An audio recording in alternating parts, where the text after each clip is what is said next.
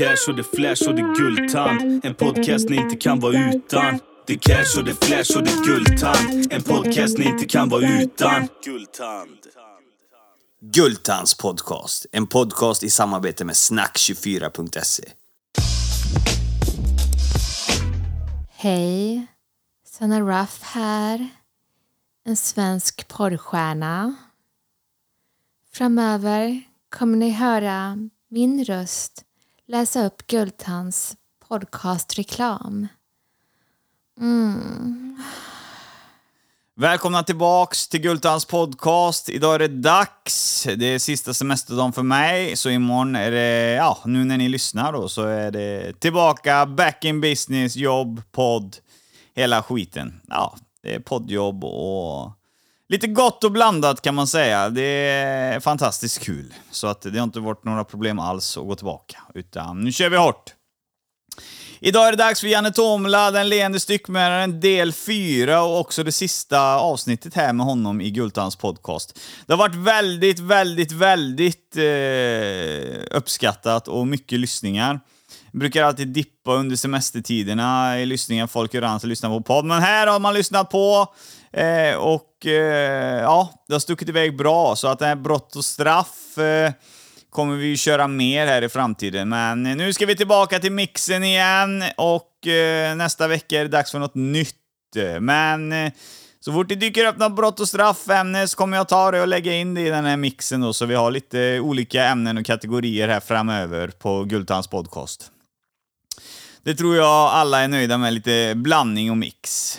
Eh, idag då så får ni inte glömma att eh, efter avsnittet direkt med Janne så kommer ett, eh, inte ett extra avsnitt, men då kommer alla de här tittarfrågorna rakt upp och ner. Och de är brutala, så jag vill passa på att varna känsliga lyssnare. Många människor som har skickat in frågor hit vet jag inte riktigt hur man tänker eller vad man pysslar med på fritiden, men eh, man har fetisch för vissa saker, säkert. Så de går jag och Janne igenom, han svarar på allt och eh, ja, det är som sagt inte för de känsliga öronen eh, så. Eh, jag hoppas också att ni har haft en bra semester och att eh, ni är taggade för eh, resten av året här nu med Gultans podcast i öronen på jobbet eller vad ni nu lyssnar på podd. Så att, eh, ja. Mycket mer har jag inte att säga, utan nu kör vi vidare med Janne Tomela del 4 i Gultans podcast. Och jag tänkte då att ifall, ifall det, huset är tomt så är det ingen som bryr sig ifall jag parkerar intill det här. Ifall jag parkerar på, på deras carport eller någonting. Nej, inte. Ja, jag, jag parkerar på deras tomt i alla fall på något sätt. Det, det, fanns, det var enkelt tillgängligt så jag kunde parkera där lätt. Och det låg nära en brygga som gick ut på sjön.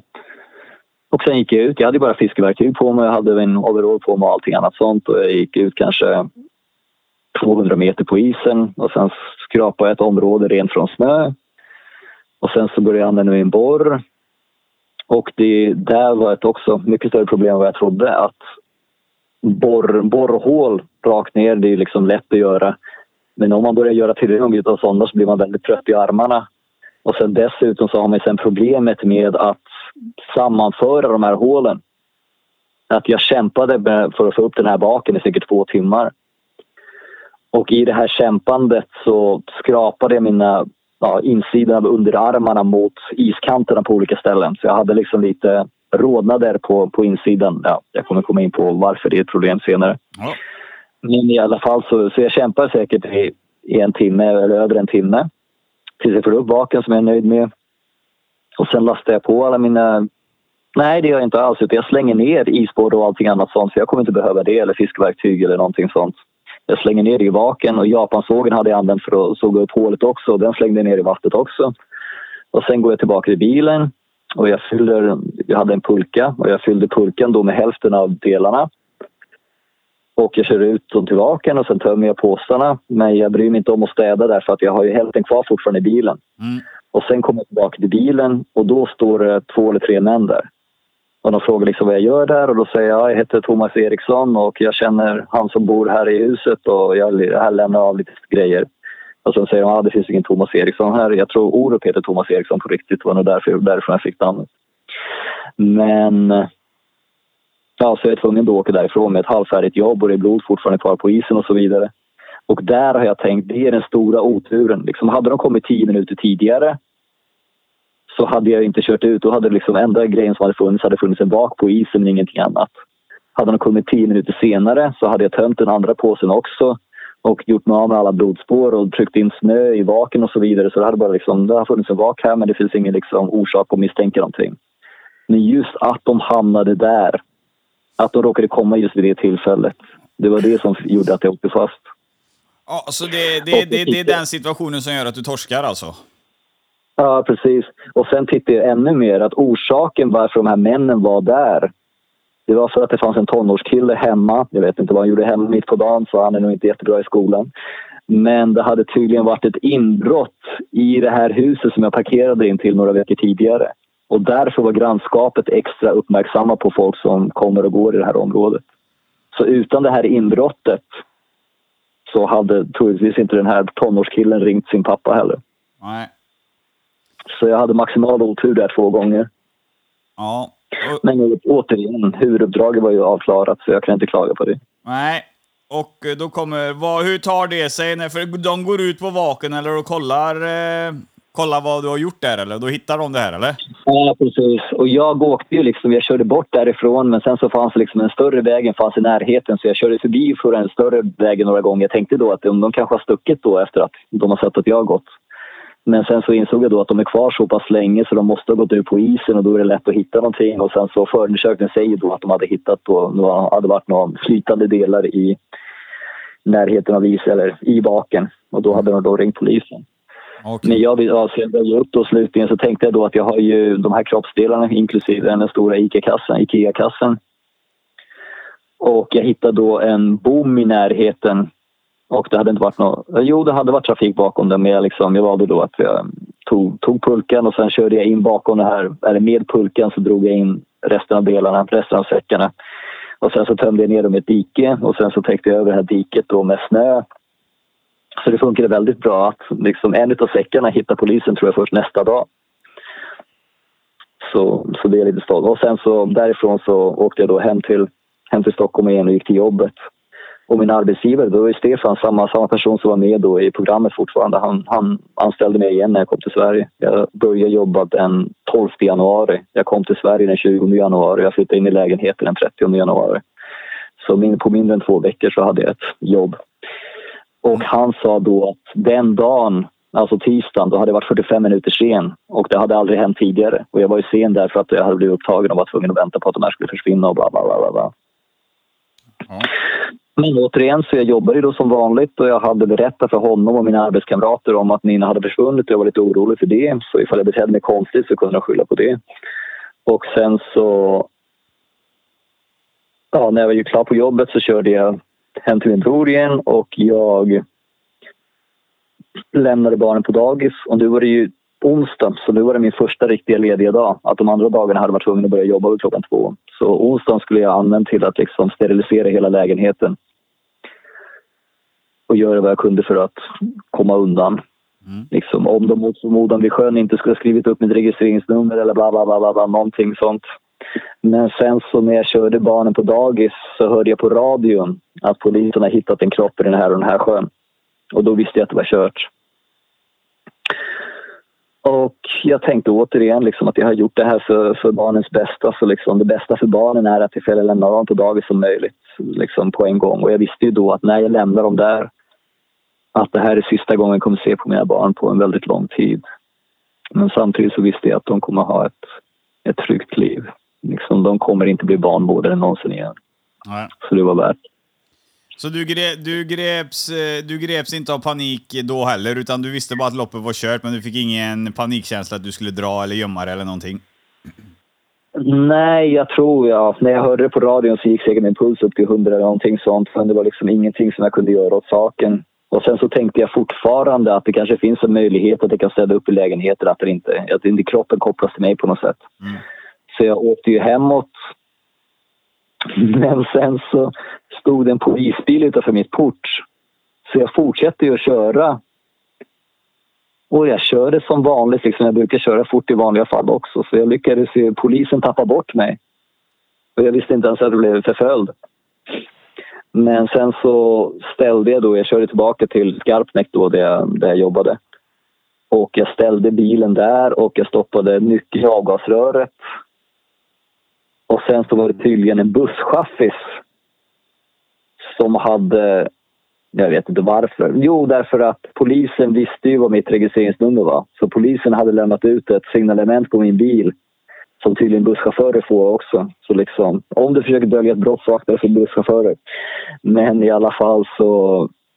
Han hade då ringt polisen och sagt att den här bilen är här och här. Men när polisen kom dit, då hade jag redan tagit tunnelbanan. Och jag tänkte först faktiskt att jag skulle gömma mig. Att jag tänkte åka till Hjulsta och jag har massor med olika kojor som fortfarande kan användas. Och liksom, eftersom det bara bor invandrare där så för det första skulle de knappast känna till vad som har hänt och för det andra så skulle det ingen liksom undra på en okänd person där. Och jag tänkte liksom färga mitt hår mörkt och skaffa mörka kontaktlinser. Så jag hade kunnat gömma mig hur länge som helst.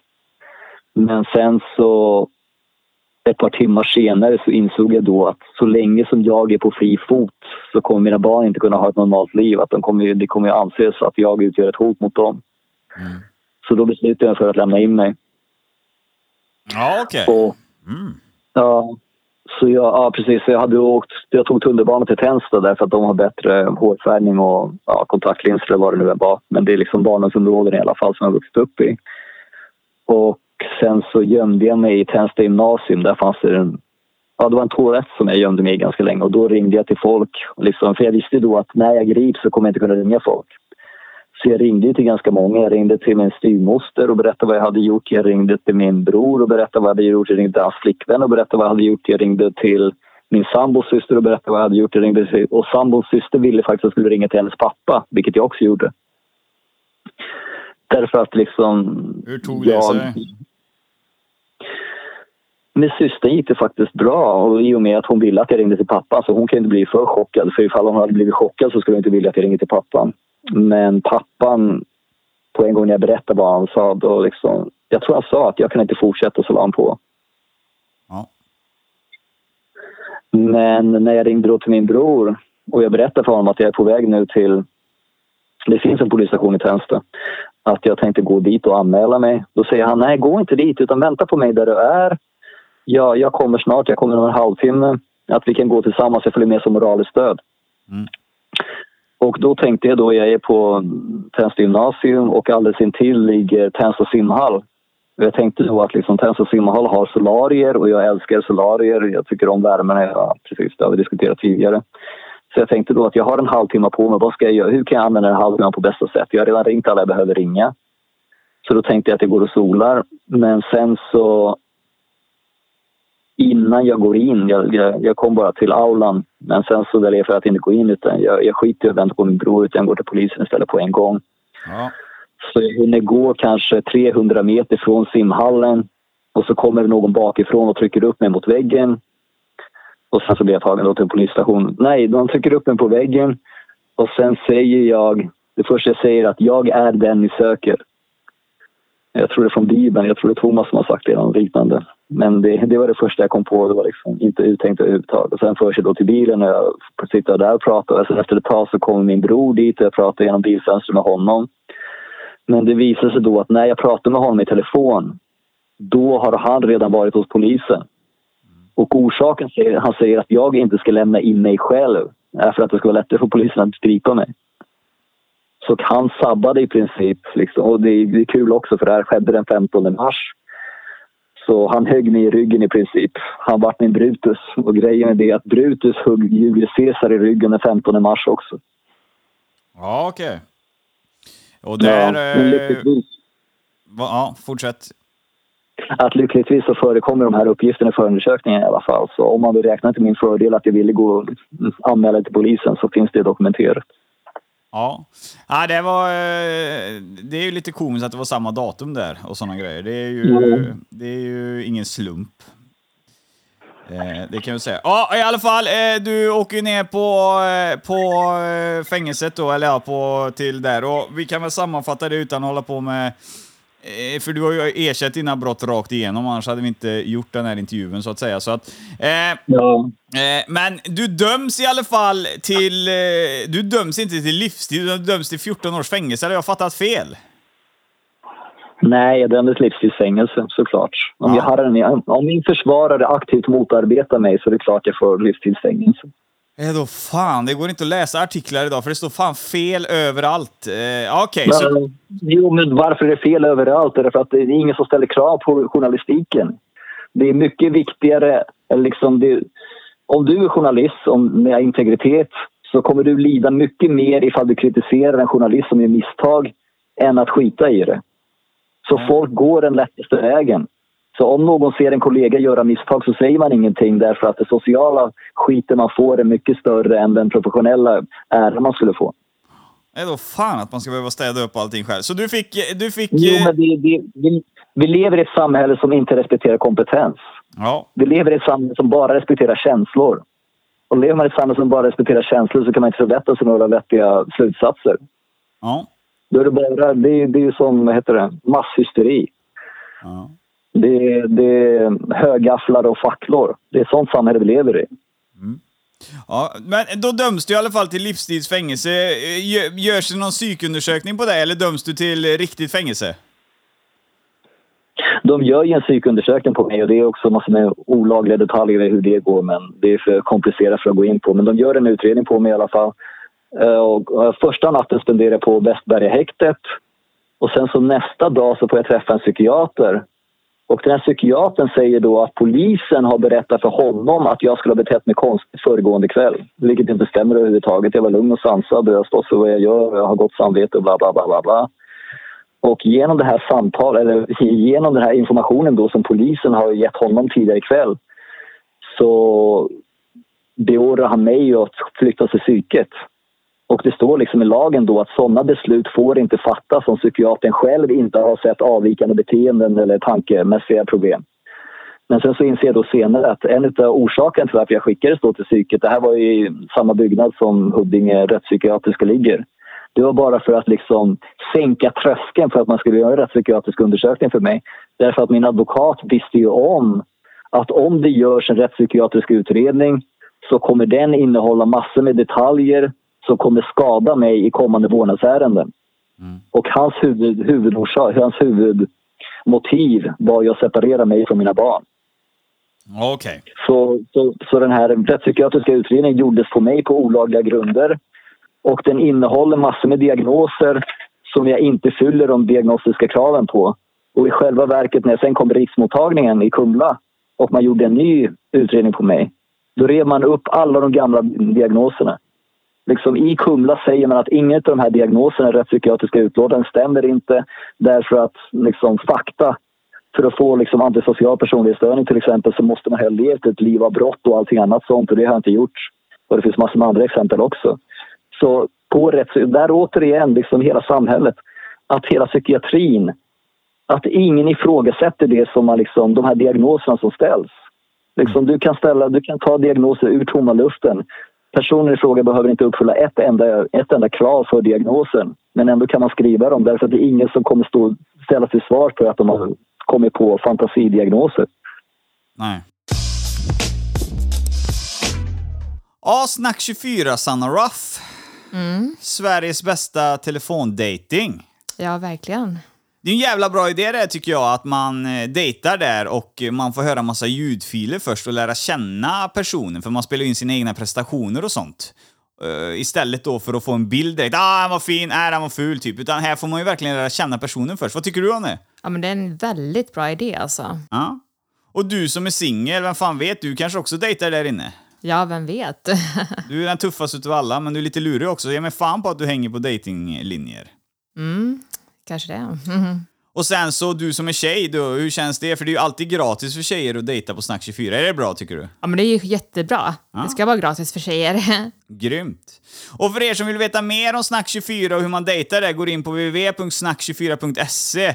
Där kan ni re- regga er då och börja dejta ja, på några sekunder så är ni igång med dejtingen helt enkelt. Man får all information där. Så in och dejta på Snack 24 så kanske ni hittar Sanna Ruff där. Ni har väl inte missat att ringa till Private Line, Sveriges bästa telefonsexlinje. Där kan ni bland annat mysa med mig.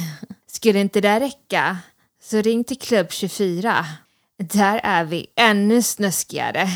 För mer info besök privateline.se och klubb24.se. Mm. Men med det då så döms du ändå då till eh, livstidsfängelse då och du anses inte vara sjuk. Nej, nej, det är väldigt svårt att bli kallad sjuk. Men som jag sa tidigare då att samma år, jag tror det var 20 mord som gick samma år och hälften av dem som dömdes dömdes till något annat än livstidsfängelse. Och en del av dem dömdes till vård också.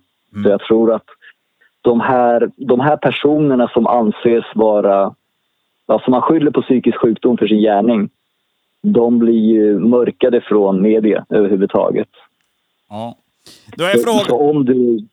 Ja. då är frågan hur... Eh, om du döms till livstidsfängelse och ute idag i ett annat land, hur kommer det sig? Hur kom du ut? Jag förstod inte frågan. Nej, jag kanske uttryckte mig jävligt konstigt. Du är ju, du är ju fri idag. Du finns på eh, en plats där vi inte kommer nämna.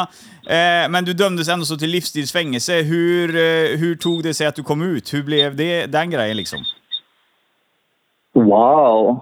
Det här borde du kunna veta. Men i alla fall så liksom, även de som döms till livstidsfängelse kommer komma ut en viss dag. Det vet jag. Och, genomsnitt, och genomsnittet i fin, både Finland och Sverige, om man blir dömd till livstidsfängelse brukar man komma ut efter ungefär 14 och ett halvt år.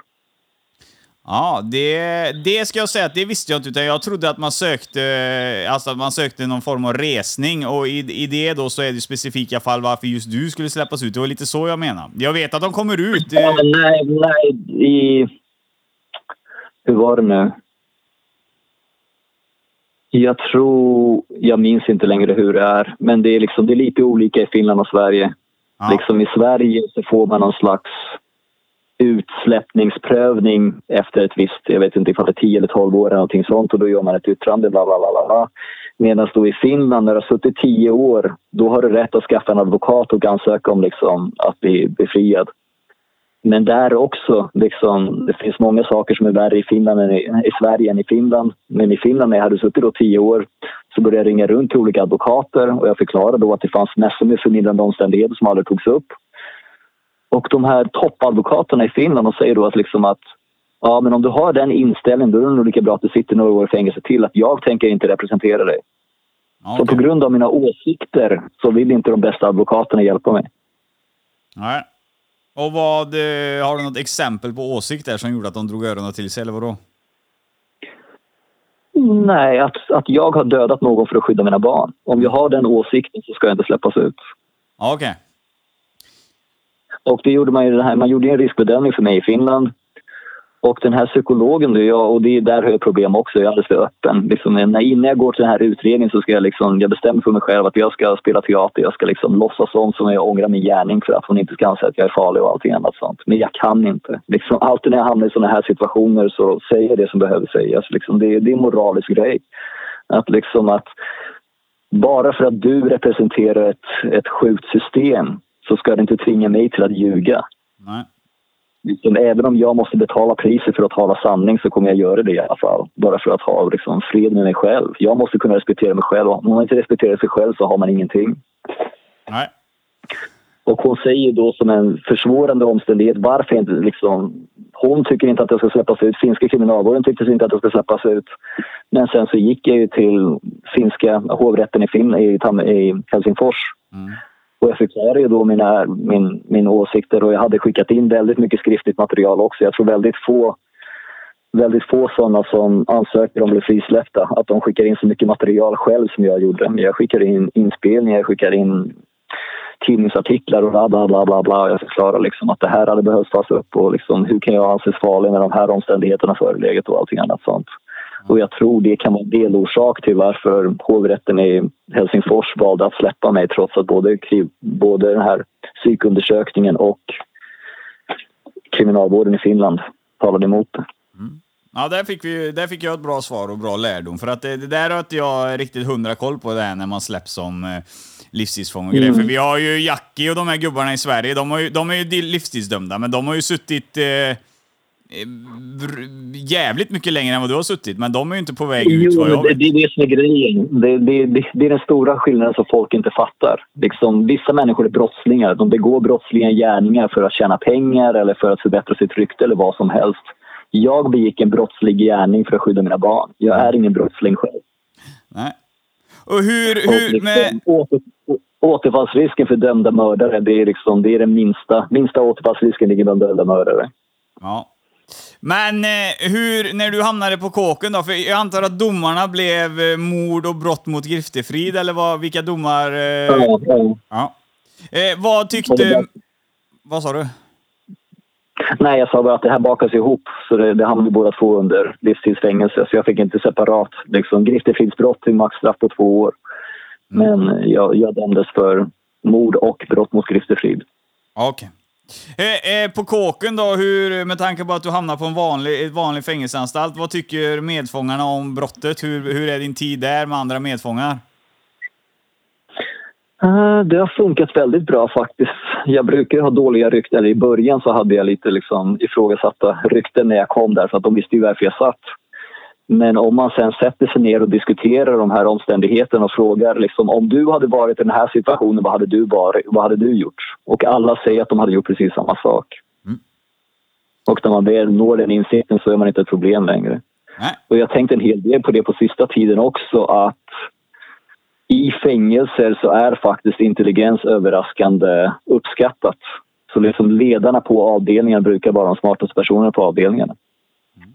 Och det har ju också med liksom att intelligens leder just till det här att man inhiberar, man hindrar sig själv från att göra ogenomtänkta saker. Och det leder ju då till respekt i längden. Ja.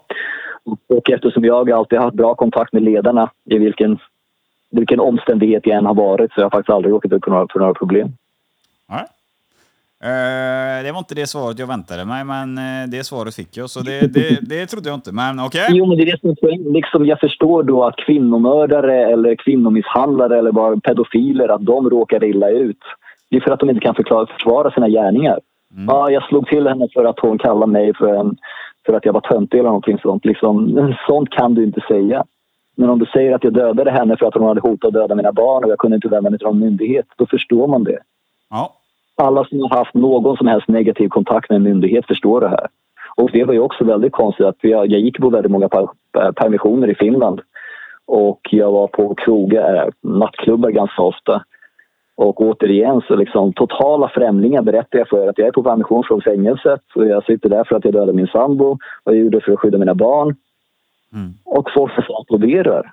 Liksom en enda gång har jag råkat ut för en negativ konsekvens trots att någon okänd inser att de har suttit och pratat med en mördare. Och vad var det för konsekvens?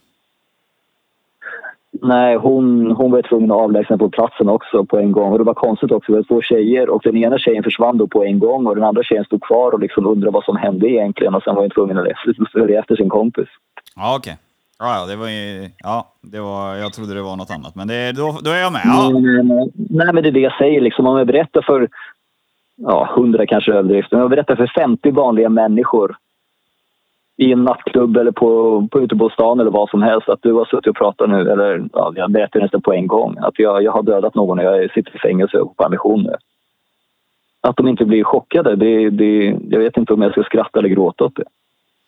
Nej, det vet faktiskt inte jag heller. Och eh, det är väldigt unikt tror jag att eh, man gör så som du gör, att det är nästan det första man nämner. Men då har du tappat eh, det hårdaste först då, så har du inget annat att förvänta dig Ja, sen. ja, och samtidigt tror jag då liksom att de här... I och med att jag tar upp de här sakerna själv till totala främlingar finns ingen liksom, en sund person som ljuger om såna här saker. Det, det finns ju ingen rationell orsak att ljuga om såna här saker. Nej. Vilket leder då till att jag talar sanning. Och om jag talar sanning så har jag ingenting att skämmas för. Nej. Och har jag ingenting att skämmas för så kommer ju folk slappna av runt omkring mig. Ja. Och där har vi också en fråga som är, för brottet när du begick det, du hade ingen blackout och du har ingen ånger idag, vad jag eh, förstår. Och så på artiklarna som man kan läsa om dig, där eh, har du ju uttryckt dig innan i alla fall att hade du hamnat i samma situation så hade du gjort om det. Ja, definitivt. Liksom jag önskar att... Det, jag hade en väldigt viktig lärdom där jag pratade med... I Finland finns det liksom anställda präster av kriminalvården. Och de här prästernas yttranden har väldigt stor påverkan på permissioner och allting annat sånt. Liksom att den här separationen mellan stat och religion är ganska dåligt genomförd fortfarande i Finland. Men jag, så jag hade en del samtal med en präst. Och, det här, och han sa då, eller fängelsechefen, där är också fängelsechefen har väldigt mycket makt i Finland. Är ingen makt i Sverige överhuvudtaget. Men fängelsechefen i Finland har sagt då att liksom, du måste gå den här kursen för att du ska kunna släppas ut på permissioner. Mm. Och sen träffade jag då prästen som är är terapeut. Och prästen säger då att, liksom, att du kan absolut inte gå den här kursen. Att den här kursen i själva verket, den förbjöds i Sverige därför att man märkte då att de som har gått den här kursen som inte egentligen ska gå det, att för dem så ökar återfallsrisken. Så det finns kurser inom kriminalvården som ökar återfallsrisken. Okej. Men i alla fall, jag sa då att du ska inte gå den här kursen men du ska göra ett specialprogram för det i alla fall. Så vi hade då samtal och han frågade mig då att liksom, kan du göra en lista över tillfällen där jag hade kunnat fatta ett annat val så att jag inte skulle hamna i den här situationen. Och det finns ju hur många saker som helst som jag borde gjort annorlunda. Liksom, po- poängen är det att liksom, jag borde ha slutat vara lojal mot min flickvän, mot min sambo redan på en gång. Liksom, Ja. Ifall jag hade dumpat henne efter första attacken så hade liksom historien varit över. Men eftersom jag har en bakgrund där jag försöker liksom få människor att må bättre och jag stödjer dem, stödjer dem och jag låter dem komma över sina barndomstrauman trauman och allting annat sånt. Så liksom, jag var ju psykologiskt fast i att försöka hjälpa henne. Ja, och jag det, slutade inte försöka hjälpa henne förrän den sista natten. Då insåg jag då att det finns inget hopp att hjälpa den här personen och att jag har offrat mig själv och mina barn i den här onödiga strävan. ja, där är vi överens att det, det, det, det, det fanns andra alternativ i början. Ja. Det, det, det, det, det håller jag med om. Eh, då, Mm, men den natten ser jag fortfarande fanns inga andra alternativ. Speciellt inte den personen jag var på den tiden. Nej, det är klart. Eh, för det blev ju som det blev. Och eh, det har vi eh, förstått, att det gick till en sån gräns där det bara var det alternativet kvar för dig. Då, kom, då kommer det en fråga. Min gärning kommer förhoppningsvis avslöja hur ruttet rättssystemet är. Det kommer avslöja väldigt mycket inom psykiatrin, att det här behöver diskuteras. Det kommer avslöja hur genomkorrumperad socialtjänsten är. Att de, de här barnpsykologiska experterna som anlitades till att liksom skriva en rapport om mina barn, de skriver rakt ut i sitt uttalande om deras arbetsgivare, alltså socialtjänsten, att socialtjänsten har inte vid något tillfälle haft barnens bästa intresse för ögonen. De skriver det här om sina arbetsgivare. Ja. Men, ja... Eh, vad, vad, vad menar du? Hur, din, eh, alltså ditt, eh, du, du tänker att brottet du har begått då eh, ska ändra eh, synen på helheten för eh, en annan familj som har de här problemen, eller hur menar du? ja, jag tror att liksom, samhället är en organism. Och en organism som är medveten om dess egna sjukdomar har en möjlighet att göra någonting för att liksom, lindra kraven, lindra symptomen. Okej. Och till exempel då liksom, om man har socialtjänster som erkänner att borderline personlighetsstörning utgör en risk för barnen som växer upp i de här familjerna. Då skulle man till exempel kunna ha någon slags obligatorisk au pair-system. Att de här familjerna måste ha en utomstående person som bor i dem för att någon kan liksom bevittna hur barnen behandlas. Ja, Och ett au pair-system, liksom, det skulle många skulle vara villiga att betala pengar för att kunna bo. Liksom, om du säger att du är en sån här observerande au pair i Stockholm och mot att du observerar den här familjen så får du bo, i en bra lägenhet och kunna studera ja, då måste ju au, au pairen då vara på plats 24 timmar om dygnet i så fall för att inte missa någonting. För vissa kan ju dölja sina... Nej, nej, nej. Det, finns, det finns ju olika grader och som jag säger då att min sambo hade väldigt mycket antisocial, antisocial personlighetsstörning och så vidare. Men jag menar rent generellt att det behövs stöd för de här familjerna och man kan inte blunda för det. Varje gång man blundar för det här och man kan inte låta socialtjänsten komma undan med att bryta lagar. Att det är det första man ska göra. Och jag hade haft lite förhoppningar om det när högern vann. Att förra gången som riksdagen har röstat om just det här återinförandet av tjänstemannaansvaret då har vänstern vunnit med väldigt liten marginal medan alla högerpartier röstade för att det ska återinföras. Och nu när högern har majoritet så hade jag trott att det skulle vara en av de första sakerna som de gör. Men det har det inte varit. Så jag antar att de partierna förutom eh, Sverigedemokraterna, de är så pass ingrodda i systemet. De vet att det är fel men de vill ändå inte ändra på det. Därför att tjänstemännen och politiken är så pass nära sammanbundna. Ja. Ja, jag är, jag är inte påläst på det överhuvudtaget, men eh, det verkar du vara så att eh, då antar vi att eh, det inte blev som du hade tänkt i alla fall. Nej, inte än, men jag vet inte när nästa val är och så vidare och hur det kommer gå. Men det borde vara en högst prioritet. Liksom, att nu när det för en gångs skull finns en majoritet så borde man föra upp det här. Men jag tror då att Moderaterna och vilka, ja, Kristdemokraterna inte vill att det förs upp. Men Sverigedemokraterna borde bråka mycket hårdare om det. Och särskilt, särskilt, särskilt Medborgerlig Samling, de är mina favoriter. Mm. Okej, vi går vidare. Barnen idag då? Hur ser din kontakt ut med barnen och hur, när du åkte in, placerades de ut då någonstans? Eller hur, vad hände med dem? Jag har haft noll kontakt med dem sen jag såg dem senast på dagis. Jag vet i vilken familj de är placerade, jag tror jag vet vilken adress de bor på, men jag vill inte prata om det. Nej, okej. Men eh, eh, du känner fortfarande att de har fått ett bättre liv nu? Ja, definitivt. Och jag tror att när fakta angående mig kommer komma ut så kommer deras syn på hela sitt liv förändras väldigt mycket. Okej. Då får vi se vad tiden säger om det. För att eh, nu är de, hur gamla är de nu? Eh, min yngsta är 22 och ett halvt. Nej, nej, nej, förlåt. 21 och ett halvt. Och den, är, ja, den andra är 20. Ja. Och, Nej, förlåt. Den andra är 19. Den yngsta är 19. Och den andra är 20 och ett halvt. Precis. är de, bo, de är boende i Sverige eller? Nej. Nej, okej. då Och är där är återigen, där är återigen att liksom SOS visste att det här tidigare, liksom att efter min gärning så ringde jag till, jag tror det var finska ambassaden faktiskt och förklarade om hur svenska tjänstemän hade noll, liksom suddat bort ett finskt myndighetsbeslut. Och där skedde det massor med förändringar då bakom kulissen och så vidare. Och två månader efter min gärning så fick jag, enskild vårdnad återigen om min äldsta son. Därför att jag borde aldrig ha förlorat vår- vårdnaden överhuvudtaget vilket ledde till att jag hade gemensam vårdnad när mamman dog och efter det så hade jag haft officiellt enskild vårdnad om min äldsta son. Och trots att socialtjänsten visste om det så skickade de ändå barnen utomlands. Trots att, liksom, trots att, eh, trots att deras egna barnpsykologiska experter sa att skicka barnen dit de skickades är en extremt dålig idé. Att, liksom att barnen kommer inte kunna hålla någon kontakt med sina biologiska släktingar överhuvudtaget. Okej. Och bla, bla, bla, bla, bla. Men poängen är att socialtjänsten helt öppet bröt mot lagen och förde över barnen till ett annat land. Vilket är den juridiska definitionen för kidnappning.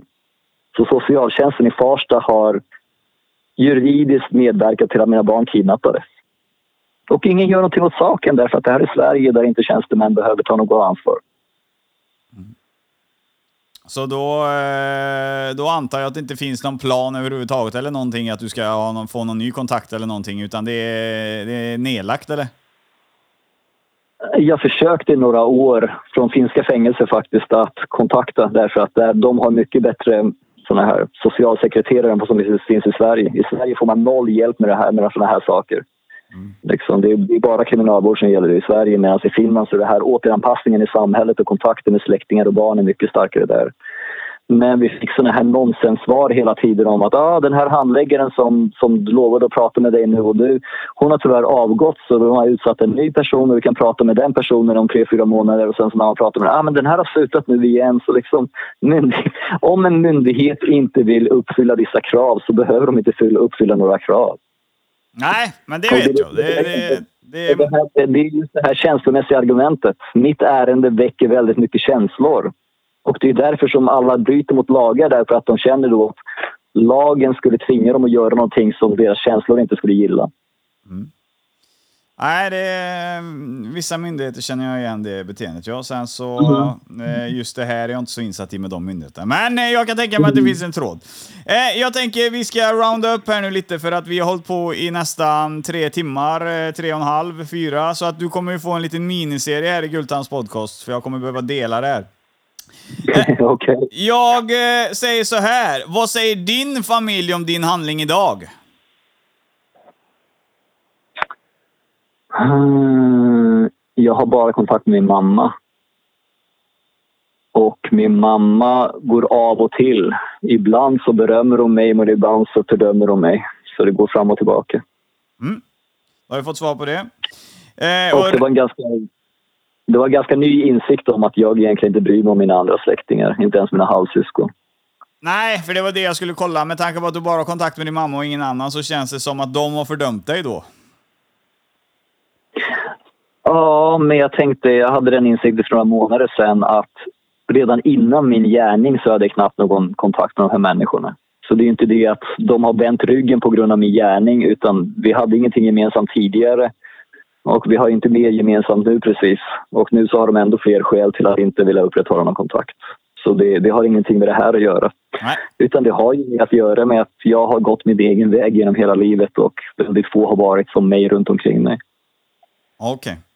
Då är vi med på Och det. sen hade jag också förresten, när mina föräldrar skilde sig så ville min, min pappa tvingade min mamma att inte hålla kontakt med dem. Så min mamma hade ju varit liksom en, hade varit mina syskons mamma i fem års tid. Eller Ja. mer än så, sex eller sju års tid. Och sen så i och med separationen så förbjöd min pappa min mamma att ha någon kontakt med dem överhuvudtaget. Okej. Så det var ett väldigt stort avbrott. Jag hade ju liksom inte haft någon, jag har inte haft någon kontinuerlig kontakt med någon av mina släktingar förutom min mamma. Så det, liksom, det, det förklarar ju väldigt mycket. Ja, det, det gör du. Det förklarar en eh, väldigt stor sak. Sen så eh, hade jag... eh, ja, det vet vi aldrig. Vi vet aldrig vad de hade svarat om vi hade frågat dem, men det är inte något som är intressant just nu heller, för det här är ju ditt avsnitt i Gultans podcast.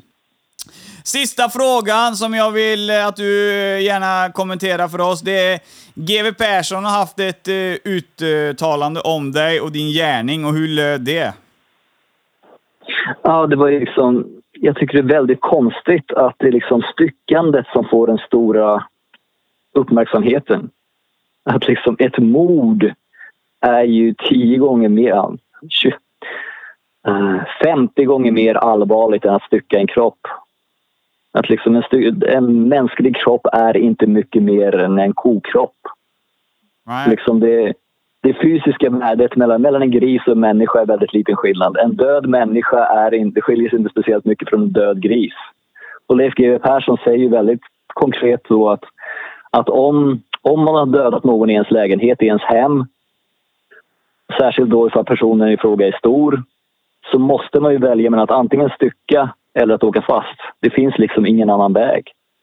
Nej, så han menar på mer eller mindre... Han, han menar på mer eller mindre att, eh, att eh, styckandet, det, det är ju ett eh, handlande för att bli, eller, ja, inte bli påkommen med brottet. Han ser inte det som allvarligare än själva helheten. Nej, han menar ju då att stycka är en extremt rationell handling. Mm. Och han säger det, liksom, just citerande mig, att, liksom att om, man behöver, om man har en kropp i en bostad som man behöver göra sig av med så är det liksom det vettiga, vettiga alternativet är att stycka den här kroppen. Men sen säger han då specifikt om mig om att det är väldigt ovanligt att en odömd, tidigare ostraffad har liksom psyket att klara av det. Ja, det, Men det, för det- mig var det inget problem därför att mitt, mitt mål var nobelt om man säger så. Ja, jag vet inte ens om man ska ta upp det, men psyket är alltså... Folk brukar säga att jag ställer mig väldigt opartisk och såna grejer. Visst, det gör jag va. Men jag spydde här förut snabbt. Jag tror du hörde det. Alltså när, du, när vi var inne på styckningen. Nej, det hörde jag inte. Men det här hade jag. Den enda saken som jag hade förbereda mig för för den här podden, men jag inte hunnit. Det är det att folk behöver titta på Big Five. Det, det är ett psykiatriskt, psykologiskt uttryck. Och det handlar om att alla män... Det finns fem stycken olika skalor. Det är liksom... Uh, Ocean brukar det förkortas på engelska. Så det är liksom openness, alltså öppenhet, hur öppen man är för nya idéer och så vidare. Eller vill man att saker ska vara som det är? Stabilitet är liksom det gamla. Och sen så C, det här conscientiousness, alltså samvetsgrannhet, liksom hur benägen är att göra läxor och så vidare, göra tråkiga saker. Uh, är extraversion, liksom, extraversion eller introversion, eller tycker man om andra människor eller inte? Introversion, ja. Och ja, agreeableness, liksom, hur, mycket, hur viktigt det är för en att andra människor liksom mår bra. Och sen så sista är neuroticism. Och det är just de här negativa känslorna. Liksom, hur benägen är man att känna ångest? Hur benägen är man att känna ilska? Hur benägen är man att känna rädsla och allting annat sånt? Mm. Och i de här skalorna då, det finns gratis test att göra. Det här är Big Five. Big Five eller Five Factor Model. Det är värt att titta på. McRae har, var en av de som skapade det här. Men poängen är då att, liksom att om man gör de här testerna så vet man hur man är som människa. Liksom jag har agreeableness till exempel väldigt högt. Att för mig är det väldigt viktigt då att människor runt omkring mig mår bra, att jag inte behandlar dem illa överhuvudtaget. Samtidigt har jag consciousness väldigt låg. Att jag struntar i att göra läxor, jag struntar i att följa regler, jag struntar i att göra tråkiga saker därför att liksom, jag har inte energin till att göra det. Men det intressanta här är just den här neuroticism, att de här benägenheten att känna negativa känslor den är väldigt låg för mig. Jag stressas inte utan något, jag är inte rädd för något, jag är inte arg på något, jag är inte...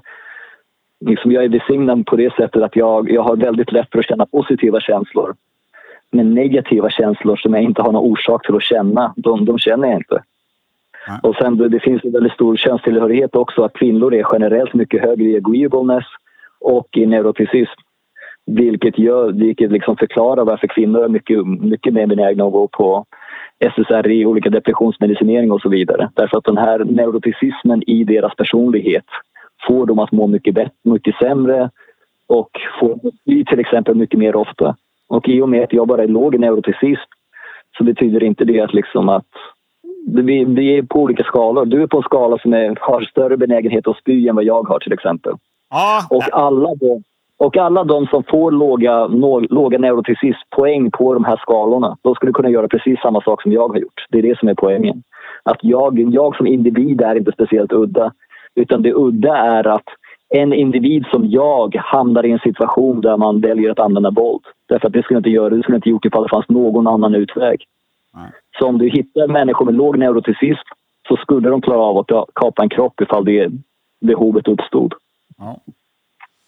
Då eh, tar jag det som en avslutning av Janne Tomola och den leende styckmördaren i Gultans podcast. Vi vill eh, tacka dig för ditt medverkande. Mm, tack för att ni lyssnar. Det behövs folk som lyssnar mycket mer än folk som pratar. Ja. Och jag vill också eh, eh, få fram här då att du är frisläppt och eh, du är ute idag, så att eh, eh, det, är ingen, det är ingen fängelseinspelning här, utan eh, det är bara att du är på okänd plats och vi har gjort en intervju med dig. Ja, det har gått lite över tre år sedan jag såg i fängelse senast. Ja. Har vi behandlat dig väl? Ja, definitivt. Jag är väldigt nöjd. Jag har inte hört slutresultatet, men än så länge är jag nöjd. Och särskilt om vi pratar om en miniserie. Ja, det blir det, för att allt det här kan inte publiceras samtidigt. Och jag har precis snöat in i krimvärlden, så att det blir lite miniserier så med det framöver. Så att det kommer garanterat gälla dig med. Och okay. eh, jag eh, önskar dig lycka till så länge och så eh, tackar jag för att du ville vara här som sagt. Inga problem, och vi får höra längre fram. Och jag skulle skicka de här länkarna. Ha det så bra. Ja, Janne, då sitter vi här igen och eh, din miniserie i Gultans podcast är faktiskt eh, färdig. Okej. Okay. Ja. Och eh, det, har, det har blivit så att jag la ut här, det är därför vi har den lilla extra inspelningen igen nu då. Det är för att jag la ut ett litet frågeformulär om folk ville ställa några frågor kring den här miniserien vi har haft med dig. Eh, och det har kommit in eh, eh väldigt mycket frågor som jag tänkte jag skulle ta med dig idag. Och sen så i slutet då så ska vi kolla lite på eh, lite mer fördjupande i dina framtidsplaner som vi kanske eh, missade lite i, i själva serien. Ja, och de var säkert annorlunda när vi gjorde intervjun också. Så att ja, ja, det är ju jättebra. De svaren skulle fått då skulle inte vara matcha de som de skulle få nu. Nej. Eh, men jag ska göra så att jag ska börja läsa frågorna rakt upp och ner och så håller vi oss kring frågorna och svarar så gott vi kan, eller du, så ska vi se var vi kommer någonstans. Ja, det låter eh, bra. Det kan bli lite, lite kopior kan det bli, men då städar vi upp det på vägen och säger att det har vi redan svarat på och så vidare. Eh, men vi börjar med första frågan då, som har, det är en person som har skrivit in tre långa frågor som, eh, Känns relevant att lyssna. Vi börjar med fråga ett. Jag såg Janne gå på Magasinsgatan i Trollhättan från pizzeria Beirut. Han hade rosa hår, visste inte att han bodde i Trollhättan, men kollade på nätet och såg att han bodde i Trollhättan just. När jag hörde det, ditt avsnitt så ville jag kolla, kolla om Janne bodde kvar i Trollhättan fortfarande, men han, han fanns ej på nätet att hitta. Har Janne blivit mer skygg för allmänheten Vet... Vänta lite, fan vad svårt. Jag får läsa om, ursäkta.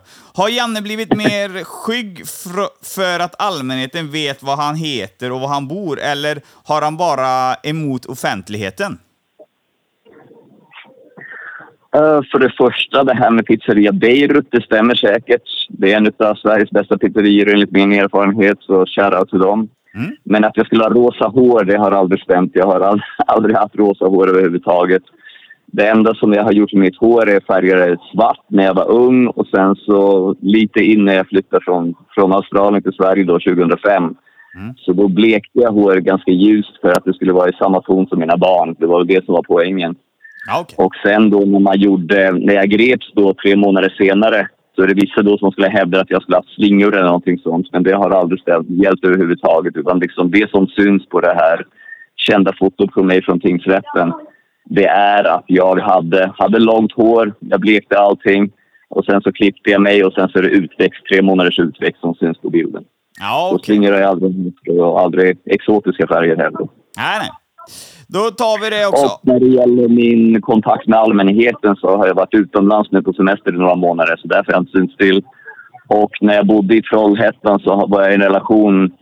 Min flickvän tyckte inte om att jag var känd och så vidare så jag tonade ner den delen. Så av respekt för henne så höll jag mig borta. Mm. Ja, okej. Där fick vi svar både från allmänheten och offentligheten. Perfekt. Då tar vi fråga nummer två. Barnen känns som att eh, de betyder allt för Janne. Eh, han har vad jag har förstått en ny partner och har ett relativt ungt barn med denne. Hur uppfostrar han det unga barnet ur pedagogisk och psykologisk synvinkel om han har om han inte har en hämmande partner? Frågetecken. Om man inte har en badpartner? Hämmande partner. Jag vet inte själv vad det är för någonting alltså, om jag ska vara riktigt ärlig. Hämmande, alltså bromsande. Ja, okej. Ja, ja, ja. Där ser du. Ja, nej, jag vet inte. Eh, för det första så att jag hade fler barn, det visste inte ens jag om. Så vitt jag vet så har jag bara två barn och de befinner sig båda två i Australien och är vuxna vid det här tillfället. Ja.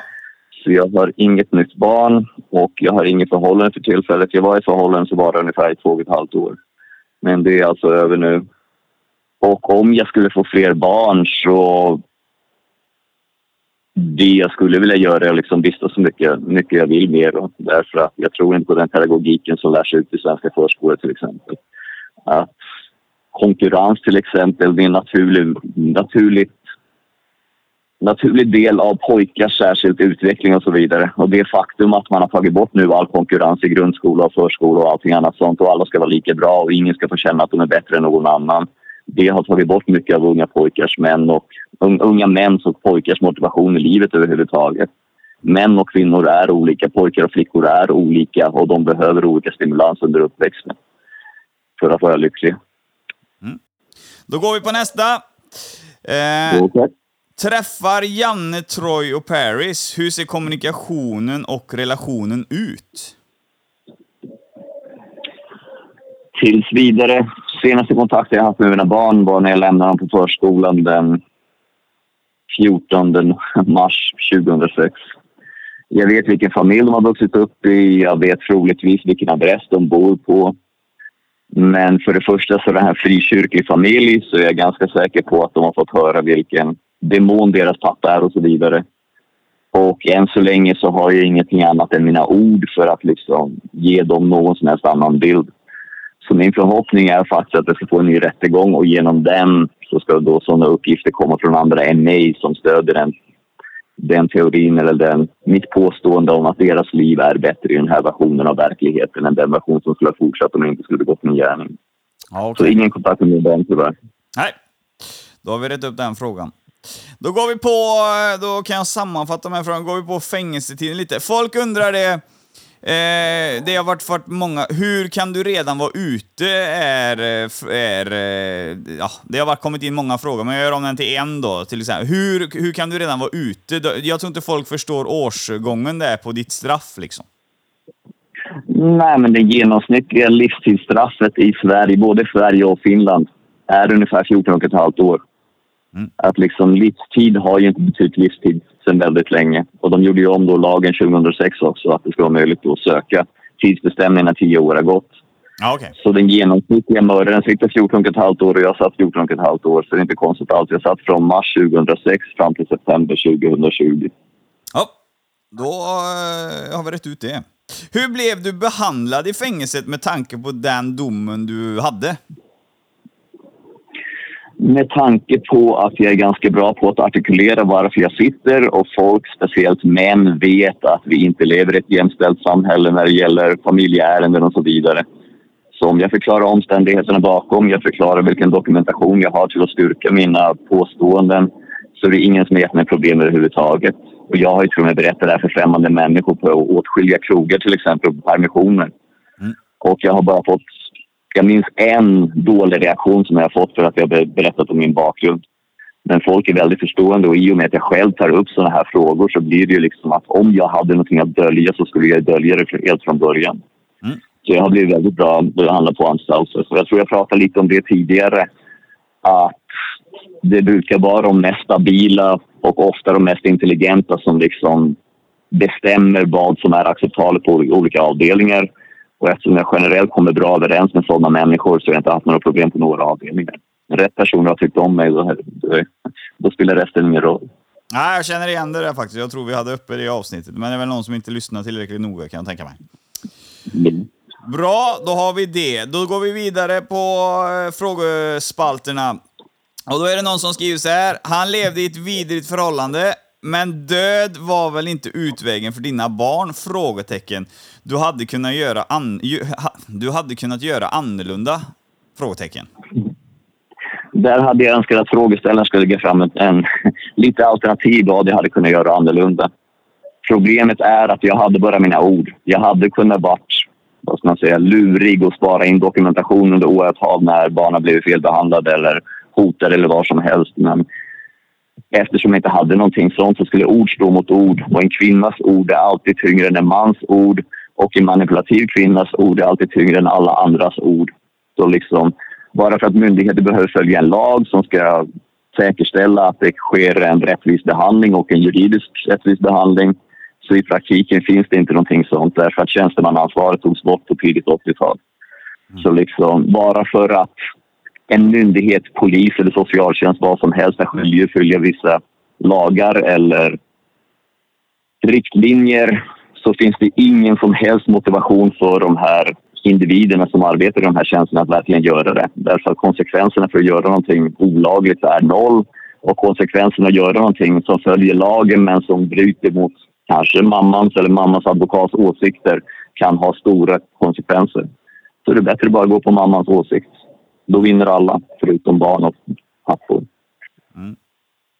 Eh, Jag vill minnas, eh, jag vill eh, minnas det, nu ska jag se om du rättar mig lite, men du hade väl också ett gäng anmälningar mot modern också under åren, va? Nej, det var faktiskt bara en anmälning. Ja, det var en misshandelsanmälning där jag varit angripen inför vår ganska precis ettåriga son. Ja, och sen så bar jag honom till polisen och polisen sa då först och främst liksom att eller de frågade mig flera gånger då ifall vi bodde på samma adress eller inte, vilket vi då gjorde i praktiken. Men eftersom då min sambo begick ett bedrägeri gentemot staten och hävdade att hon var ensamstående så fick hon väldigt mycket mer pengar från staten än vad hon skulle fått ifall hon berättade sanningen och liksom säga att jag betalar halva hyran och allting annat sånt. Så i och med att vi begick ett bedrägeri mot staten så hade jag ingen möjlighet att vända mig till myndigheter. Därför att jag skulle bli återbetalningsskyldig till min sambo vilket jag inte skulle ha haft råd med efter till många år. ja. Så det fanns bara en anmälan och anmälan gällde misshandel och jag la ner, själv ner den. Det står i, i själva rapporten som upprättades om att de bad mig flera gånger om att jag skulle göra en rapport och även det här med adressen. Och de sa, sa då rakt ut att om barnen bor på den här adressen som, ni, som vi kör tillbaka er till då måste vi arrestera mamman därför att vi kan inte föra tillbaka barn till en sån situation där våld kan komma uppstå igen. Mm. Så det var, på grund av min klantighet så gick det inte längre i Sverige, men det, eller i Australien, men det fanns bara en anmälan. Ja, okej. Då är jag med. Då tar vi nästa. Är det svårt att få jobb efter din dom? Hur förklarar man det om man får frågan på en arbetsintervju? Det har varit lite problematiskt.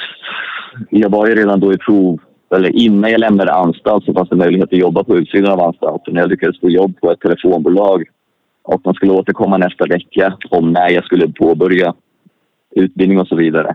Men det här samtalet kom aldrig och jag hade då berättat för personen som intervjuade mig så hade berättat om bakgrunden och berättat varför jag satt inne och allting annat sånt och hon hade inga problem med det. Men uppenbarligen då när hon pratade med sina chefer så var det inte tillåtet. Nej. Och sen så där måste jag medge att någon slags psykologisk spärr har jag fått.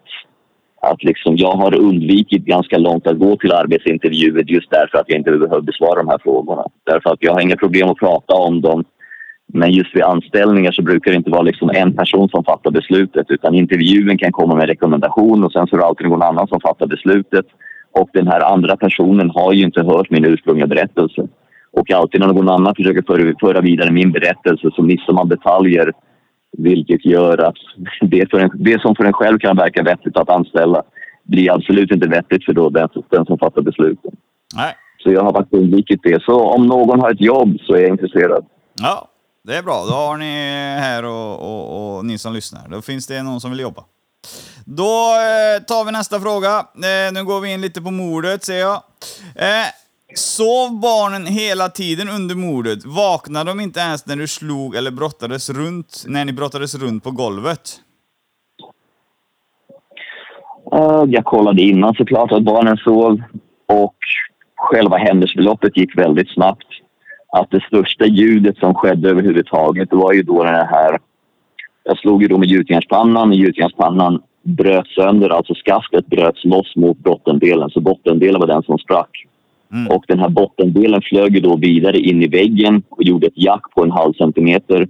Men om man tänker då om någon slår en betong eller en gjutjärnspanna i väggen mitt i natten så då blir det en- ett djupt jack så kommer självklart då den här klangen höras i andra lägenheter.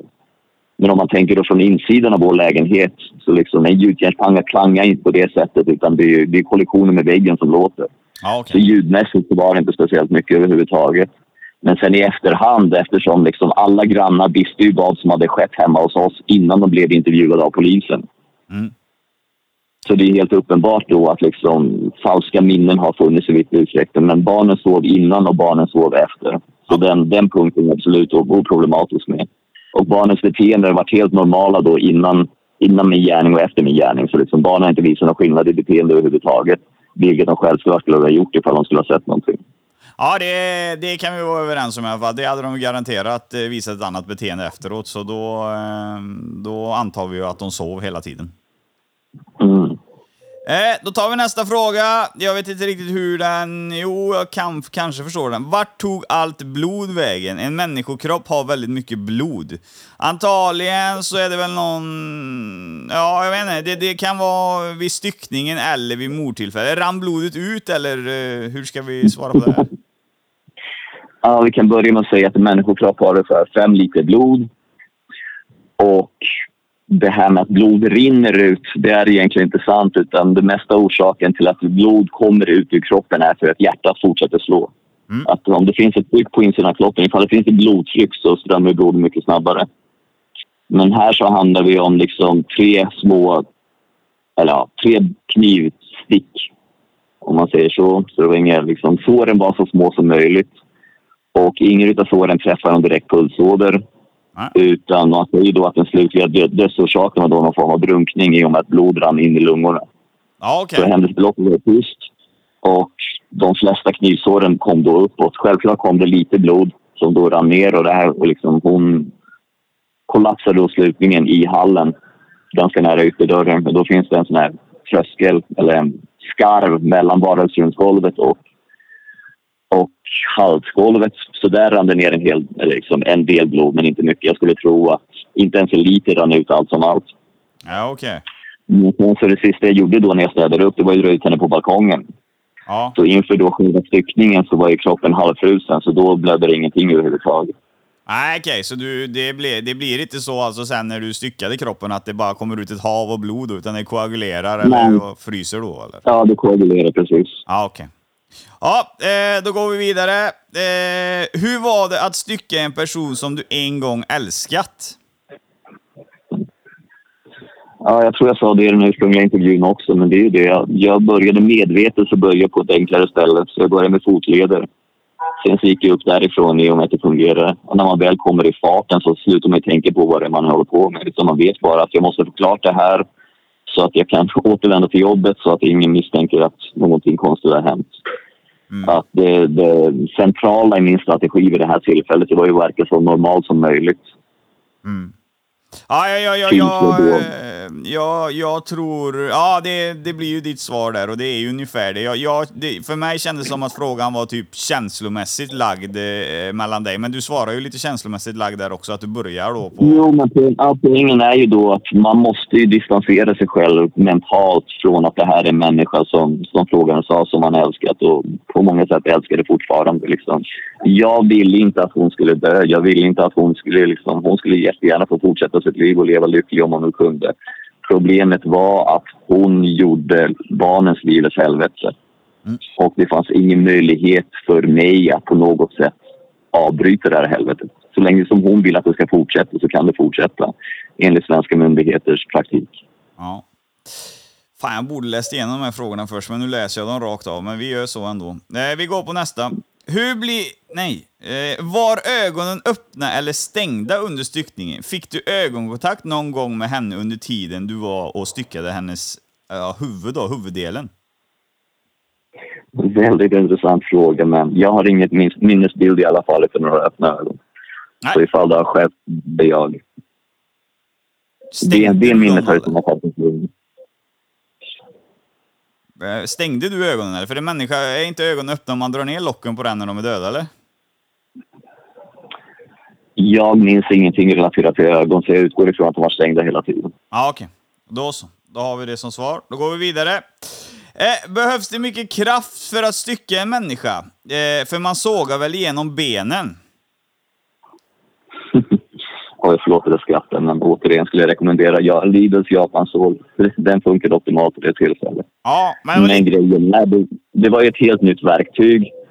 Och människokroppen är ju mjukare än både trä och metall så själva sågen hade inte slitats överhuvudtaget. Så den, den delen var inget problem. Nej. Problemet, vilket jag nätt och jämnt klarade, var att rulla över henne på ett lakan så jag kunde dra ut henne på, på balkongen. Och jag snackade tidigare om att ja, hon vägde över 100 kilo och så vidare. Men jag har sett människor som väger 100 kilo och hon vägde en bit mer än det. Så min nuvarande nya estimation är att hon vägde 120-130 någonting sånt. Mm. Och orsaken till att jag förstod det här det är att man liksom man överskattar min vikt. Därför att jag, jag är lång och så vidare, borde väga ganska mycket. Och på samma sätt så har jag liksom underskattat hennes vikt därför att liksom 100 kilo känns väldigt långt bort för mig. Men 150 kilo var alltså ungefär hur mycket hon vägde. Ja. Nej, jag menar en och en halv gång min vikt var ungefär vad hon vägde. Mm. Så det var därför jag hade problem att få ut henne från balkongen. Men det var därför man styckar, för att få delarna till en mer hanterlig storlek. Ja, ja. Det är för... Ja, det... det ja. Eh, vi eh, fick svar på den då med kraft och, och man sågar väl genom benen, det gör man ju. Ja. Men eh, ja, avbröt du någon gång för att du inte klarade av eh, styckningsprocessen? Gick du typ iväg typ och tog glas vatten eller en sån här grej? Eller typ bara fick panikångest, typ vad fan håller jag på med typ? Det var faktiskt ett avbrott precis innan jag kapade halsen. Ja. Det hade jag glömt fram tills nu, så jag är, tack, jag är tacksam för att bli påmind. Så det, det var ett avbrott där då på grund av att du inte klarade av det psykiskt just för stunden, eller? Ja, eller jag kände att det började bli lite påfrestande så jag behövde en paus. Så jag gick väl ut och sköljde ner i handfatet i toaletten eller någonting sånt. Ja, okej.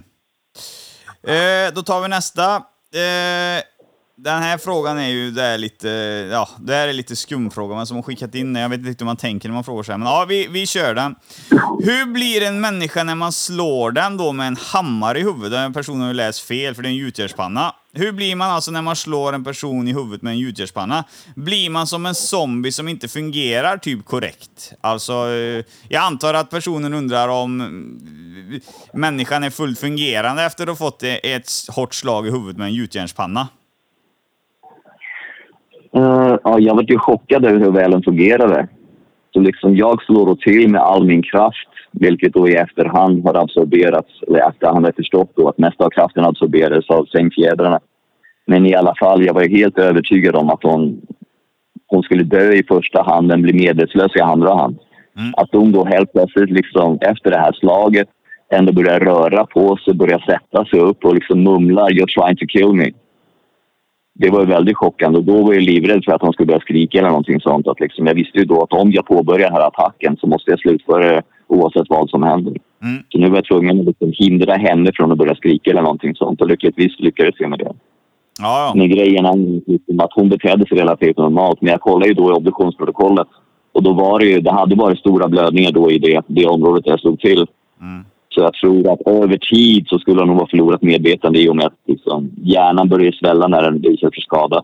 Ja, okay. så över, jag tror att hon skulle ha svimmat inom en halvtimme oavsett. Ja. Mm, hon fungerade överraskande normalt och sen så hon försökte göra vad hon, hon kom för, för att komma i säkerhet så hon tog sig mot dörren. Ja, då får vi göra den bedömningen att hon fungerade ju bra. För... Ja. Okej, okay, då är vi klara med den eh, frågan. Då går vi vidare. Det är också en eh, tittarfråga. Det kändes som Janne i podden blev upphetsad av att berätta om styckningen. Typ kåt? Frågetecken. Nej, och det är det som jag tycker är så otroligt konstigt. Liksom, man pratar om styckmord och styckmord och så vidare. Liksom. Jag tycker hela det begreppet implicit antyder att personen i fråga har dödat någon bara för att få lyckan att stycka den här personen då senare. Och liksom, det, det är totalt befängt. Jag hade ingen som helst nytta, liksom, lyckokänsla av att döda henne, inte orsaka henne våld, inte stycka kroppen. Liksom. Man gör det man behöver göra. Mm. Men där kan jag faktiskt erkänna, och där kan någon tycka det är sjukt och så vidare, men jag kände en väldig frihetskänsla efter att jag visste att hon var död. Mm. Att jag visste då att liksom, mina barns liv av fångenskap är äntligen över. Och jag har äntligen löst ett problem som väldigt få människor skulle klara av att lösa. Ja, det vet jag att du och, nämnde i avsnittet också, det, att du kände, ja, kände det. Så att, det är jag med på. Mm. Bra! Och liksom just den frihetskänslan, känslan, liksom, känslan av att ha övervunnit sig själv. Det här var ju första gången jag angriper någon på ett våldsamt sätt överhuvudtaget. Jag har aldrig initierat ett slagsmål eller någon, sätt, någon form av våld. Nej. Bra, då kommer ju nästa fråga väldigt passande här som någon skrivit in. Är Janne farlig idag? Frågetecken. Nej, absolut inte. Jag var inte farlig då heller. Men skillnaden från mig nu idag till den person jag var då. Jag låg faktiskt och tänkte på det här. Jag förberedde mig antagligen lite för de här frågorna. Men liksom att nuvarande jag hade troligtvis framfört ett väldigt hotfullt ja, någon form av hot, inkludera en kniv och så vidare och säger liksom om du inte tar och liksom lämnar barnen i fred nu så kommer någonting dåligt att hända. Liksom jag hade kunnat resonera med det. Hon ville inte leva med barnen. Enda orsaken till att hon ville ha kontroll över barnen är att hon inte ville bli av med mig. Okay. Det var hela poängen till varför de ville till Finland. Därför att här i Sverige började det finnas människor som ville hjälpa vår familjesituation. Och ju mer av vår familjesituation som skulle bli känd desto mindre chans skulle hon ha att fortsätta mig och mina barn, kontrollera mig och mina barn framöver. Ja. Det var därför de ville till ett mindre land där det inte fanns något socialt nätverk för min del. Ja, ja okej. Okay. Då är jag med på det. Eh, då tar vi nästa fråga. Den här eh, tycker jag faktiskt är lite... Eh, jag har ofta såna här, eh, eller syndrom om man ska säga. Det, det är en lite spännande fråga. Eh, när jag, då, jag omvandlar, det är ju en tittare som har skrivit in den här, men när, när man ser en annan människa, om jag till exempel skulle se dig, du och jag går på stan, så skulle jag se dig typ att eh, eh det, du slår i tån då, eller går in i en bänk typ och man ser det. Ah, fan, fan, det där gjorde ont. Och man känner det själv i kroppen att det där gjorde verkligen ont för han. Eh, upplevde, ja. du den, upplevde du den känslan någon gång under mordet och styckningen? Nej, faktiskt inte. Jag hade ju satt en agenda då innan jag påbörjade det här att jag måste slutföra det oavsett vad som händer. Och det var ju då en rent fysisk gärning. Det var som att jobba vid en fabrik. Okej. Att jag måste, jag måste slutföra den här uppgiften oavsett vad som händer. Jag ska inte låta mig bli distraherad av någonting. Nej. Så där, där lyckades vi väldigt bra då. Liksom väldigt målmedvetet tycker jag. Ja. Och sen då själva styckningen så är det ju samma sak. Det är ju inte längre en människa. En person, en, ett djur, oavsett ifall det är en människa eller ett annat däggdjur som inte känner någon smärta och som inte är närvarande på något sätt. Det är ja. Och som aldrig kommer vakna måste man väl lägga till nu när vi talar om den här situationen. Mm. Att hon var död, hon kommer aldrig mer känna smärta, hon kommer aldrig mer utsätta någon annan för smärta. Så i den bemärkelsen var hon inte längre en människa. Utan hon var, hennes kropp utgjorde ett hinder som jag måste övervinna för att kunna ha någon möjlighet att fortsätta mitt liv i frihet med mina barn. Okej, det är bra. Då går vi vidare. Eh, jag tänker så här att eh, jag ska försöka hur jag ska svara på den, för det är en person som skriver ett namn här. Jag vill inte ta med det. Eh, jag säger så här istället då, för att omvandla lite. Eh, det finns en känd tv-profil, professor, han är väl i kriminalvärlden, eh, väldigt högt upp. Han har ju uttryckt sig om ditt fall just och eh, han tycker att, eh, att människor hakar upp sig på styckningen, det är en sak, men när man är en liten mördare eh, och vill komma undan med mordet så är styckningen inte det stora, utan det är bara ett sätt för att kunna transportera kroppen utan att bli påkommen. Vad tycker du om det uttrycket? Det är självklart. Liksom, om det är samma professor i kriminologi som jag tänker på också så är han väldigt intelligent, det kan alla komma överens om. Och han säger då liksom att det är ingenting konstigt med att stycka en kropp. Man gör det för att komma undan. Och speciellt då i mitt fall. Jag behöver hantera, med hantera ett lik som är 50 kilo tyngre än mig själv. Det är totalt omöjligt. Men människan är i särklass bäst på att använda olika former av verktyg just för att klara av saker som de egentligen inte orkar. Det var en av barndomsfrågor. Vilket är det enda däggdjur som, kan, som inte kan flyga men ändå gör det? Det är människan. Vilken enda, enda däggdjur som kan transportera en kropp på 150 kilo men ändå gör det? Bland annat Janne. Ja. Men då, då känner du igen det uttrycket, då stämmer det eller? För jag har ingen belägg för att det stämmer, men du har hört det själv, det här uttrycket från den här mannen eller? Ja, jo, jag tror jag själv citerade honom i intervjun. Ja, okej. jag, Ja, då... Självklart så tycker jag att citera honom om den här saken för han säger att det är en självklarhet. Det är ingenting konstigt med det överhuvudtaget. Man styckar inte för att man njuter av det, man styckar av det för att komma undan. Nej, okej. Nej, då, då stämde det och det var, ju, det var ju bra att någon har snappat upp det uttrycket och tog med det här. Då tar vi nästa fråga. Eh, jag ska svänga lite på dem. Frå... Jo, då blir du igenkänd på stan och vad är reaktionerna i så fall? Ja, det var någon som hade tydligen känt igen mig här i Trollhättan fast jag, rosa håret vet jag inte varifrån det kom. Nej. Och jag hade en liknande incident när jag först kom till Sverige och pluggade vid Mälardalens högskola i Västerås. Där var det verkligen många som kände igen mig på gatorna. Under liksom, det var en hets i några veckor. Ja. Sen så var jag tvungen att flytta därifrån därför att min hyresvärd då, jag hade berättat om min bakgrund och så vidare. Han hade inget problem med det. Men hans tonårsdöttrar ville inte komma på besök så länge som jag bodde i hans källare så därför var jag tvungen att lämna Västerås. Ja. Ja, okej. Så att eh, negativt, eh, negativt eh, på, på, vad fan heter det? Negativt eh, kan man säga. Det, det, dina upplevelser av eh, igenkännskap är negativa.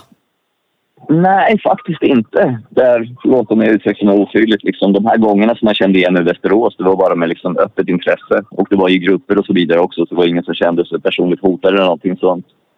Men Okej. jag har ingenting emot att svara på frågor och allting annat sånt. Och personligen så har jag inte haft några negativa kommentarer. Och du sa väl också då att det är, ingen som har skrivit någonting så negativt i alla fall på, på dina kommentarer heller på, på filmen som, eller på ljud. Jag trodde det skulle bli en större uh, hatgrej här, men det, det, det har det inte blivit, utan folk har... Det är som sagt, det, det är ungefär, eh, ska jag säga, 80-20. 80 procent har tyckt det varit ett intressant eh, eh, avsnitt och sådana grejer då utifrån intervju, intervjun. Sen så har du 20 procent som eh, skickar hat då, men det, det får man köpa när man gör sådana här grejer. Det, det är så det blir liksom. Jo, jo, definitivt. Och liksom hatet utgår ju från liksom förutfattade meningar och så vidare. Man märker ju ganska stor skillnad på dem. De som har läst igen materialet, det som finns, de ställer en viss sorts frågor medan andra bara går ah, jävla mördare, jävla kvinnoboxare eller vad som helst. Liksom det är, om man inte har någon genomtänkt åsikt så tycker inte jag man ska säga någonting överhuvudtaget. Och jag svarar gärna på all liksom, negativ kritik och allting annat sånt om man håller sig till saken. Ja. Jag har ingen som helst problem att försvara min gärning. Nej. Men att gå på onödiga personangrepp och allting annat sånt, liksom, jag fattar inte liksom, hur det är när en annan människa. Liksom, vad tjänar man på det? Ju mer man hatar, desto mer föraktansvärd blir världen runt omkring en. Ja. Då går vi vidare och det är eh, sista frågan för mig, sen ska vi kolla lite framtidsplaner. Och då skickar eh, en person in den här frågan. Ångrar du din handling? Frågetecken. Skulle du kunna mörda och stycka en människa till? Eh, Eh, det har jag också sagt flera gånger att jag ångrar inte själva gärningen. Jag ångrar att den situationen som fanns, att den uppstod överhuvudtaget. Och jag tror jag pratade någonting om de här personlighetsdragen och så vidare. Just det, agreeableness. Alltså, för mig är det alldeles för viktigt att folk, folk mår bra och folk får sina behov tillgodosedda och folk blir hjälpta och allting annat sånt. Så jag har en tendens att offra mig själv i sådana situationer. Att, liksom att jag ger mer än vad jag borde ge och mer än vad som är bra för mig själv. Så liksom den tendensen har jag nu medvetet försökt att sänka. Och det, jag har haft vissa, vissa framgångar. Men fortfarande har jag en tendens självklart att liksom offra mig själv. Men om, jag hade, om den tendensen hade varit svagare då i mars 2006 så hade jag kanske kunnat... Eller jag vet inte, då var det för sent. Jag hade kunnat lösa problemet i Australien. Jag hade kunnat berätta för hennes föräldrar till exempel hur hon var i verkligheten och hur illa vår vardag egentligen fungerar. Mm. För de hade väldigt stora begränsningar på hennes liv redan innan den här gärningen, redan innan jag kom till Australien och så vidare. Därför att de visste att hon kan inte kontrollera sitt eget liv. Nej. Men i och med då att jag kom dit så, så av naturliga orsaker så kunde de inte kontrollera sin dotter längre. Och jag hade ingen kännedom om hurdan deras dotter var egentligen. Så det var ju egentligen så att vi hamnade och min sambo lyckades då ganska väl separera mig från hennes föräldrar. För de visste då att ifall vi samarbetade, för vi hamnade på samma blad, så skulle hon inte längre kunna fortsätta på det sättet de ville fortsätta. Och jag ville ju aldrig lämna Australien, så vi hade kunnat, liksom, redan det steget hade varit avklarat. Ja, okej. Då är jag med. Nej, men då är frågeställningen från Gultans podcast färdig och då släpper vi ordet fritt till dig och frågar dig hur ser din framtid ut och framtidsplaner? Eh, jag har ju varit nu utomlands i södra Europa. Det finns säkert ganska bra information om var jag är exakt. Men nu är jag på väg alltså tillbaka. Jag har lite saker och ting som jag måste ta itu med här. Men jag ångrar absolut inte den här perioden. Jag har funnit väldigt stora nya delar av mig själv. En stor del har varit relaterad till fullt lagliga former av rekreationella droger. Men jag känner i alla fall personligen att tillgången då till de här cannabidiolerna som vi pratar om, att de har, de har matat min hjärna med någonting som har saknats under hela uppväxten. Att liksom jag, jag har alltid varit en empa- empatisk person och jag har alltid varit nyfiken och allting annat sånt och jag har alltid liksom tyckt om andra människor och så vidare. Men alla de här respekterna känns som att de har tiodubblats. Jag är mycket mer empatisk nu, jag är mycket mer kreativ nu, jag är mycket mer känslomässig nu, jag är mycket mer närvarande för andra människor. Och jag känner då att liksom den här nya energin då som jag funnit här nere, jag är ganska säker på att jag kan upprätthålla den även fast jag skulle återvända till Sverige. Liksom. Det gäller att välja sitt sällskap på rätt sätt. Det gäller att till stora delar hålla sig borta från skärmar. Därför att skärmar stjäl dopaminet från hjärnan och det ökar passivitet, passivitet och allting annat sånt. Så man måste komma igång och man kommer inte igång genom att titta på andra, som, andra människor i tv-serier eller porr eller vad som helst som gör saker. Utan du måste göra saker själv. Du måste lösa dina egna problem. Kom på problem att lösa. Du kommer må mycket bättre efter det. Fan vad det där stämmer man- alltså. Jag diskuterade det med min fru igår det där. eh, Och då, då, då gick jag och smågrejade lite. du. Jag gick och smågrejade lite hemma och så satte jag mig med mobilen. Nej, då bromsade jag, då bromsade jag. Men sen la jag bort den och så började jag plocka och sortera och grejer. Helt plötsligt så var jag inne i det. Det måste stämma det där att skärmen, du vet, dödar en, du vet. Den dödar eh, kreativitet. Ja, Fett ändå. Det är, ja, men det är kul. Då finns ju det på riktigt då. Jag, ska, jag, jag har blivit mer bättre nu. Jag, ska, jag jobbar ju enormt med eh, skärmar alltså. Fy fan. Ja, ja. Eh, men ja, eh, okej. Men eh, jag vill tacka dig så jävla mycket för den här miniserien som du var med och bidrog med i Gultans podcast. Och eh, eh, jag hoppas jag har behandlat dig med respekt och, och haft en hyfsat bra ton.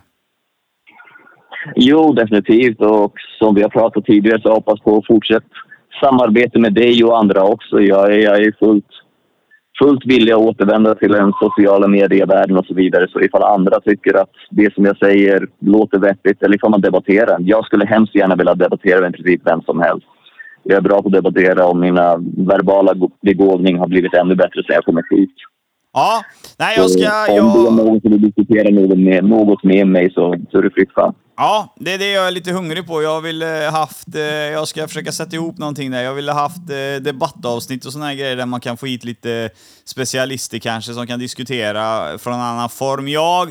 Man har ju ställt sig den frågan, det är mycket meddelanden jag får in om det, att eh, folk har ju ställt sig det att ska verkligen Alex Gultan göra en sån här intervju med Janne? Eh, är jag kapabel till att göra det? Men eh, jag, tycker vi har, jag tycker vi har fått ut en bra tråd ändå, en lina och så va. Men jag ska jobba på det nu och det är att få tag i lite, lite specialistfolk och så sätta ihop en debatt kanske där vi ska ha med dig. Jag tror det hade gett jävla bra eh, helhet på det hela. Ja, precis. Och jag har roliga synpunkter på de flesta områden så att bara den aspekten skulle nog vara intressant att lyssna på. Ja. Nej, vi får se vad framtiden ger. Eh, något ger den i alla fall, det vet jag. Ja, det gör den. Då önskar jag dig lycka till och så eh, hörs vi av säkert här i framtiden. Okej, det gör vi. Tack så mycket. bäst. Och lyssna alla på podcasten. Ha det så bra. Hej, hej. Där var Tomela slut. Janne har gjort sitt här i Gultans podcast, Den leende styckmördaren. Jag hoppas att ni fick eh, en inblick i hans liv och hans brott och eh, att ni liksom vet nu istället för att eh, läsa Aftonbladet och sånt, så har ni fått en lite mer eh, ingående variant av det här. Sen vad man tycker är rätt eller fel, det är upp till varje människa att bedöma själv. Jag gör bara vanliga intervjuer där alla människor i den här podden får prata till punkt. Eh, frågeställning hade vi också och ni som missade eh, att skicka in era frågor, nu är det för sent, nu är de tagna och eh, vi fick ut lite eh, intressanta svar och sånt men eh, Ja, det var, det var tufft. Jag mådde lite illa där igen när vi gick igenom vissa. Jag vet inte varför. Jag, får, jag, ja, jag vet inte vad jag ska säga. Jag, jag har lite svårt för det här att prata om styckning känner jag. Det, det, det, det tar på magsäcken. Nog om det. Eh, glöm nu inte att tumma upp, la, eller tumma upp eh, avsnittet in i era poddhubbar där. Klicka i hjärta och följ och eh, sprid och dela podden. Eh, in också och diskutera och skriv på ett Gultans podcast på Instagram och podcast understreck Gultans på TikTok och så Gultans podcast på Facebook. Viktigt, viktigt att ni går in och följer och lämnar betyg i era poddubbar. Jätteviktigt. Jätte, jätteviktigt. Fram tills nästa vecka så hoppas ni får det kanon och eh, då är det dags för något nytt gött här i Gultans podcast. Ha det bäst från Alice Gultan, tjena! Gultans podcast. En podcast i samarbete med snack24.se. Gultan. Gultan. Det är cash och det är flash och det är Gultan. En podcast ni inte kan vara utan. Det är cash och det är flash och det är Gultan. En podcast ni inte kan vara utan. Gultan.